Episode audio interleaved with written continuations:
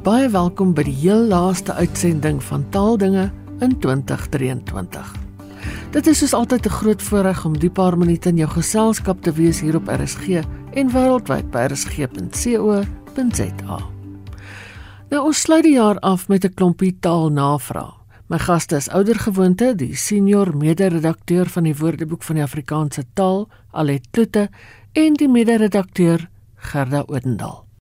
Alet, die eerste vraag aan jou is half 'n opvolg oor 'n uh, of 'n reaksie op 'n vorige ding. Ek lees wat die luisteraar skryf. In verband met die taalnavraag op 12 November oor sinne wat met so begin. Nou sê uh, Ingrid Ek vind dat dit 'n nuwe neiging in Engels en Afrikaans is. In so 'n geval is dit 'n gebruiker se eerste sin en nie 'n gevolgtrekking nie. Dus is dit nie 'n dus sin nie. Nou sê sy as voorbeeld, as jy vir iemand vra wat sy vir ete maak, kom die antwoord: "Oké, okay, so ek maak pannekoek." Nou, sy sê dis duidelik 'n verkeerde gebruik, maar iets wat seker al die laaste 5 jaar of so voorkom. Nou gaan sy verder en sy sê Hoe meer mens verkeerde taal gebruik, hoor, hoe makliker neem jy dit self oor en maak dit jou eie. Sy sê daar's 'n aanbieder wat praat oor weer vooruitspellings en sy sê sy begin nou benoud raak want sy kan nie meer onderskei tussen weer vooruitsigte en weer voorspelling nie en hierdie kontaminasie word nou so deel van haar dat sy bang is sy begin dit ook so gebruik. Die ander een waaroor sy praat is die man wie daar loop. Nou ek dink ons het al daaroor gepraat ook. Nou dan is daar eh, iets nog 'n derde vraag eintlik. Hierdie is waarskynlik die, die meeste van 'n vraag. Ehm um, daar's 'n woord wat ander Afrikaanssprekendes blykbaar nie ken nie en sy praat van kletsnat. Ehm um, sy sê haar oupa grootjie het van Holland afgekom en sy het nie Nederlandse blootstelling gehad nie, maar sy ken die woord en nou kry sy die woord net in 'n Nederlandse artikel. Wat beteken kletsnat en wat is die etimologie daarvan? En nou weet ek nie of jy op daai so ook wil reageer nie, Alet. Ek maak so Ina, dis omtrent 'n mond vol en Ingrid is 'n baie fyn luisteraar, maar ek moet haar gelyk gee. In die genoemde voorbeeldsin kan so dan nou inderdaad met dis vervang word. En soos sy reg sê, die tipe konstruksie kom algemeen in Engels voor en dit laat my ook dink dat dit ons dit na alle waarskynlikheid daar geleen het. Dit behoort tot die informele taalgebruik. Ek dink nie mense sal dit in 'n baie formele konteks teekom nie. En so is amper hier iets soos 'n diskursmerker dink ek. Want dit is 'n woord wat die vloei of die struktuur van die dialoog verander sonder dat dit die betekenis daar agter wysig. Jy kan so met ander woorde weglaat sonder dat die sin noodwendig iets anders sal beteken. En dit is iets wat soos hy sê 'n mens al hoe meer teekom en ek dink nie dit sal uit die taal veral nie uit die geselstaal geweer kan word nie. Wat weer vooruitspellings betref, is dit waarskynlik 'n kontaminasievorm van weer voorspellings en weer vooruitsigte. Kontaminasie kan tot taalverandering lei en ek sal nou graag by 'n latere vraag weer hierop terugkom. Ons het ook by verskeie geleenthede gepraat oor die betreklike voornaamwoorde wie en wat, maar dit lyk my dit bly maar vir die taalgebruikers 'n probleem. Dit is die man wat daar loop, maar die man vir wie ek die boek geleen het. En as 'n mens dan nou 'n algemene reël wil probeer onthou, dan is dit dat wie as betreklike voornaamwoord deur 'n voorsetsel vooraf gegaan word. Anders moet 'n mens wat gebruik. Kletsnat beteken deurnat of druipnat en ons het die woord uit Nederlands geërf. Oorspronklik is dit gebruik ten opsigte van tekstielgoedere soos klere. Klets, dan nou uit Nederlands kletsen, is 'n voorbeeld van klanknabootsing. En dit is 'n weergawe van die geluid wat 'n mens hoor wanneer die water teen 'n ruit bots en wegspat. Later is kletsnat dan nou ook gebruik ten opsigte van ander voorwerpe wat so nat is dat dit daardie kletsende geluid maak. Gerda Stefan Netling sê hy het groot geword met sy pa wat dikwels die woordjie chirkie in die betekenis van bietjie gebruik het. Nou Stefan sê soos hy dit verstaan, word die woord slegs saam met 'n vloeistof gebruik. Byvoorbeeld, gooi nog 'n chirkie olie by die mengsel. Volgens Stefan se pa is dit 'n bekende woord in die Oeverberg, maar Stefan sê hy kry dit nie in die verklaarde Afrikaanse Woordeboek van 1965 nie. Nou wil hy weet, kon dit 'n erkende woord in die verlede gewees het wat nou uitgestorf het of was dit 'n woord wat net in daai gebied, daai area gebruik is en nooit landwyd erkenning gekry het nie? Stefan die rede waarom jy nie die woord uh, in die verklaring Afrikaanse woordeboek kon vind nie is omdat dit 'n beperkte woordeboek is uh, waarin daar hoofsaaklik op uh, standaard Afrikaans gefokus is. Nou die Woordeboek vir Afrikaanse taal daarenteen is 'n omvattende woordeboek wat alle variëteite van Afrikaans opneem. So wanneer jy op soek is na 'n woord wat uit 'n spesifieke streek kom, dan is dit altyd 'n goeie wegspringplek uh, in die WAT. Maar nou moet ek ook by sê dat die woord chertjie ongelukkig nie in die WAT voorkom nie. Selfs ook nie die woord uh chir of chir is wel opgeneem in die WAT, maar nie in hierdie betekenis van bietjie nie. Maar ek het 'n bietjie in ons argiewe gaan rondkrap en wat ek wel kom kry is die woord chertjie wat redelik naby is. Nou hierdie woord kom in uh die huisgenoot van 1987 voor in 'n verhaal deur Marie Fourie waarin sy skryf oor 'n Chertsey wyn en ook 'n artikel in die Burger van 27 Junie 1998 waar die skrywer sê 'n mens spuit so Chertsey olie by 'n sekere deel van die Steeks diesel engine in. Meer onlangs in 2017 het die woord ook voorgekom in 'n artikel deur Johan Oosthuizen op Marola Media waarin hy skryf Ek het die makou netjies ontbeen en die snitte in 'n plat skottel uitgepak met so chertsey olie gesmeer en toe nog met so 'n bietjie bladjan bestryk. So hierdie woord, 'n uh, eh, chertsey en nou nie chertjie nie, uh, word wel nog gebruik, so lyk dit uit die uit die data. En dit lyk ook of dit weier as net die Oeverberg gebruik word. So en ook op eerste oogopslag lyk Stefan se aanvoeling dat die woord slegs op vloeistowwe van toepassing is, ook in die kol. Nou die inligting wat ek kon kry is maar beperk en ons woordeboekmakers is maar redelik afhanklik van wat ons in gepubliseerde bronne kan opspoor of ook wat mense wat vir ons kan instuur. So ek sal eintlik graag by die luisteraars wil hoor of daar nog mense is wat die woord chertsey in die betekenis van bietjie ken. Um en of hulle dit ook gebruik vir ander dinge as net vloeistowwe of dalk is daar ook luisteraars wat so Stefan eerder die woord chertjie in die betekenis ken. Allei die volgende een is ook baie interessant. Bram Ras sê Die ek het onlangs die Jericho krisis gelees. Dis geskryf deur Andre Jansen en die boek is uitgegee in 1986. Hy sê hoe verder hy gelees het, hoe meer het hy op vreemde uitdrukkings en taalgebruik afgekom en dit begin neerskryf. En Nou vra hy, is dit hoe mense gepraat het in 1986 of is dit slegs die skrywer se gebruik van Afrikaans? Hy sê hy was daai tyd in sy vroeë 30's en hy onthou nie dat ons Afrikaans so gebruik het nie. Nou ek het vir jou sy voorbeelde aangestuur. Um ek sal graag wil hoor wat sê jy. Ek het na die lysie woorde gekyk en ek moet sê hulle val vir my ook taamlik vreemd op. Bram noem dat hy in 1986 in sy vroeë 30's was en ek was toe nou ook nie veel jonger nie. En ek kan met redelike sekerheid sê dat dit nie vir daardie tyd algemene taalgebruik was nie. Ek het 'n bietjie probeer naspeur uh, inligting oor die skrywer probeer kry. Die, die Andre Jansen is natuurlik 'n skuilnaam vir Jan Schaafsma en wat 'n meer Nederlandse tipe van is.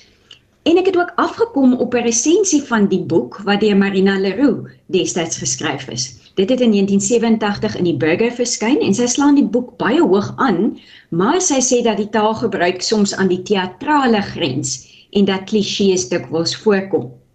Nou ek het gedink om net 'n paar van hierdie voorbeelde uit die lys te neem om dan nou vir die luisteraars 'n idee te gee van wat bedoel word. Hy praat onder meer hier van 'n gles, 'n logika fout. En 'n gles, dit is nou eintlik 'n term uit Amsterdam se slyperstaal beteken 'n onsuiwer streep in 'n diamant. So daar het jy nou al klaar die koneksie met die met die oorspronklike Nederlands of die Vlaams eh, wat vir my 'n aanduiding is dat hierdie hierdie woorde is al verouderd en dit daar is daar die Nederlandse koneksie. Hy praat ook van 'n woord soos ornate. Hy praat van die ornate eikehout posbus. Met ander woorde 'n posbus wat ryklik of soms oordadig versier is.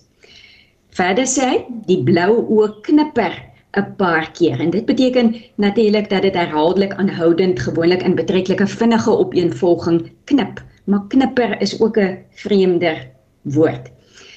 Hy is noem ook die amorfe dik hoteltapijt, met ander woorde 'n hoteltapijt wat nou nie 'n redelike reëlmatige vorm het nie, dit is taamlik vormloos of 'n koterie kollegas. Nou daardie koterie beteken klik, maar terwyl klik dikwels minder meer neerhalend gebruik word, word koterie, die Nederlands word net met 'n C gespel, gebruik met die bygedagte aan voortreffelikheid, uitgeleesdheid, ingeligtheid en dis meer.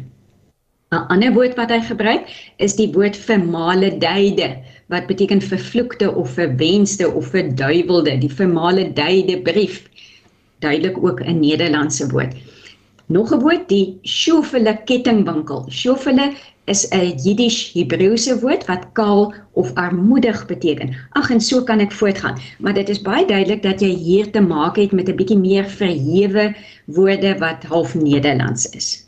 So ek moet die spreek die luisteraar dan nou ook gelyk gee dat dit nie algemene taalgebruik is nie. 'n Anonieme luisteraar vra op die SMS lyn: "Waar kom die woord laity vandaan?" Gerda? Die woord laity wat na 'n seun of 'n jong man verwys, is 'n afleiding met u van die vir Afrikaanse vorm van die Engelse woord light. Nou wanneer ons light of lig in hierdie konteks gebruik, verwys dit na iemand wat nie respek afdwing nie of wat onbekwaam en onopgewasse is vir 'n bepaalde taak. Of iemand wat soos ons in Afrikaans ook sal sê, 'n bietjie lig in die broek is. Anet van Welgemoed vra: Wat is goeie vertalings van bullet points en clip art? Alet? Bullet points is nou maklik, maar dit is kolpunte. Clip art is vertaal met illustrasie pakket. En nou sal die sal die luisteraars miskien wonder nou waar kom die woord vandaan. As 'n mens in gedagte hou dat clip art 'n uh, geheel is van prente en simbole wat as 'n tipe rekenaar pakket bestaan en wat dan nou beskikbaar gestel word sodat dit in dokumente gebruik kan word, dan maak illustrasie pakket sin. Maar ek het ook 'n ander woord teëgekom, naamlik knipselkuns wat vir my miskien 'n uh, beter woord is om te gebruik. Ja, net sê half meer wat dit is. Ja, ja. ja. Martin wil weet waarom party plekname in Engels deur the vooraf gegaan word, byvoorbeeld the Netherlands. Hoe weet 'n mens wanneer die woord die lidwoord gebruik moet word? En 'n mens praat byvoorbeeld gemaklik van die Vrystaat, maar die Limpopo klink net nie reg nie. Gerda? Die beginsel wat hier gevolg word is dat ons gewoonlik die bepaalde lidwoord gebruik by plekname wat die naam van 'n geografiese bousel afgelei is of wat die ge geografiese bousel bevat. So ons sal byvoorbeeld praat van die Kaap omdat Kaap is 'n rotsagtige landpunt in die see of in 'n meer wat uitsteek of dis 'n vooruitspringende kusgedeelte wat tot aan 'n gebergte behoort. Of ons kan praat van die strand of die Parel waar Parel hier na 'n rots of 'n berg verwys en soos uh, Martin gewys het die Vrystaat of die Transvaal waar Transvaal hier na die rivier verwys. Maar ons praat nie van die Limpopo wanneer ons na die provinsie verwys nie omdat dit tot verwarring kan lei aangesien daar ook reeds 'n Limpopo rivier bestaan. So ons gebruik gewoon Limpopo om daarop te dui dat ons na die provinsie verwys, maar die Limpopo wanneer ons na die rivier verwys. En hierdie beginsel geld ook in Engels, soos ons dan in 'n voorbeeld soos the Netherlands kan sien. Marina van Pretoria vra: Ek het nou onlangs die woord futselaar raak gelees in 'n ouerige boek. Soos ek verstaan, beteken dit iemand wat aan alles Peter sonder om iets reg te kry. Maar waar kom dit vandaan en word dit nog vandag gebruik? Alet? Futselaar is opgeneem in deel 2 van die BAT wat nou reeds in 1955 verskyn het. Die woord is toe reeds as weinig gebruiklik of ongewoon gemerk en ek dink dit het intussen in onbruik verval. Ons het dit uit Nederlands geërf en dis 'n afleiding van futsel. In Nederlands is dit futselin wat beteken met die hande aan iets vruttel of werskaf op 'n nie ernstige of onkundige manier, soos uit speelsheid, nuuskierigheid of by wyse van afleiding. En ek dink ons gebruik nie meer die woord futselaar of futsel so baie nie, eerder die sinoniem Peter of Peteraar. Ek dink dit is meer bekend. Mm, ons selfs vruttel dalk. Ja, ja, inderdaad. Gerard Pieter Besuidnout van Bloemfontein sê gedurende nuusberigte asook ander gesprekke op RSG gebruik hulle dikwels die term waans wanneer verwys word na treinongelukke. Nou sê Pieter gedurende my opleiding het ons geleer dat mense in rytuie vervoer word en nie in waans nie. Nou wil hy weet of hy reg is of nie, want dit pla hom elke keer as hy dit hoor. Die woord rytuig het 'n baie breër betekenis. Aangesien dit verwys na enige een van verskeie voertuie soos fietses, karre, waans, koetse, motorfietsse of motors waarmee of waarin of selfs waarop 'n mens kan ry. Nou 'n trein wa is maar een tipe rytuig. So die WAT definieer dan ook treinwa as enige een van die waans wat deel van 'n trein kan vorm deur tipies aan 'n lokomotief en of ander waans gekoppel te word en wat vervaardig is vir die vervoer van passasiers, diere, goedere of vloeistowwe. So die gebruik van waans op RSG is dus heeltemal korrek aangesien dit blote inkorting van treinwaans is. Alet Neskierig van Kaapstad het 'n interessante vraag geskryf. Die persoon sê, "Kan julle dalk bietjie praat oor motorsportterme bivak en bivakkeer?" Ek het altyd gedink bivak is 'n militêre term, maar dit is blykbaar 'n gevestigde term in motorsport. Kan julle asseblief bietjie meer oor die woorde vertel, soos oorsprong en betekenis? Alet? Ek het bivak ook net in die militêre uh, konteks geken. 'n Bivak is 'n leerkamp in die oop veld en bivakkeer is dan nou die werkwoord wat daarvan afgelei is en wat beteken om in die oop veld te kampeer. Ons het die woord uit Nederlands geërf, bivak en bivak het ook 'n wisselvorm in Nederlands bivouac en dit kom uit die Frans bivouac wat interessant genoeg oorspronklik kom uit Hoogduits, baaiwagge. En oorspronklik het daardie baaiwagge beteken 'n patrollie burgers wat dan veral snags of by spesiale geleenthede as versterking van die gewone stadswag gedien het. Die woord het betekenis uitbreiding ondergaan en sedertdien eh, beteken dit nou ook enige kamp wat gewoonlik vir 'n kort periode in die veld opgeslaan word. As 'n mens nou na die motorsportterrein beweeg, dan dink jy aan die Dakar races waar die deelnemers aan 'n tydren in so 'n bivak oornag. Daar kan tot 4000 mense gehuisves word. En dit sluit dan nou die deelnemers, die werktuigkundiges, die spanlede, die beamptes, mediese personeel, joernaliste en dis meer in. Daar's ook spesienies en skoonmakers wat in so 'n bivak saamtrek. 'n Mens sou dus kon sê die bivak is dan 'n soort rondtrekkende dorpie. Dit was die senior mede-redakteur van die WAT Alet Kloete. Jy het ook die stem gehoor van die mede-redakteur Gerda Odendaal. 'n Klompie vrae staan oor vir 'n volgende keer. En soos altyd vra ek, kom ons help verseker dat die WAT voltooi kan word en ons borg gewoord. Al die besonderhede is op die WAT se webwerf. Ek wil graag van die geleentheid gebruik maak om al my gaste van die afgelope jaar te bedank vir hulle baie waardevolle bydraes. Dankie ook aan jou wat luister, want sonder jou is daar nie 'n program nie. Ek wil dan ook vir jou en al die deelnemers aan taaldinge 'n besondere en voorspoedige 2024 toewens. Afrikaans is steeds die soetste taal, die parel van groot waarde en die taal waarin ek kan raak en leer en bid en werk en speel. Vir oulaas van jaar geniet die res van die dag in RSG se geselskap, bly veilig, bly gesond en van my Ina Strydom groete. Tot 'n volgende keer.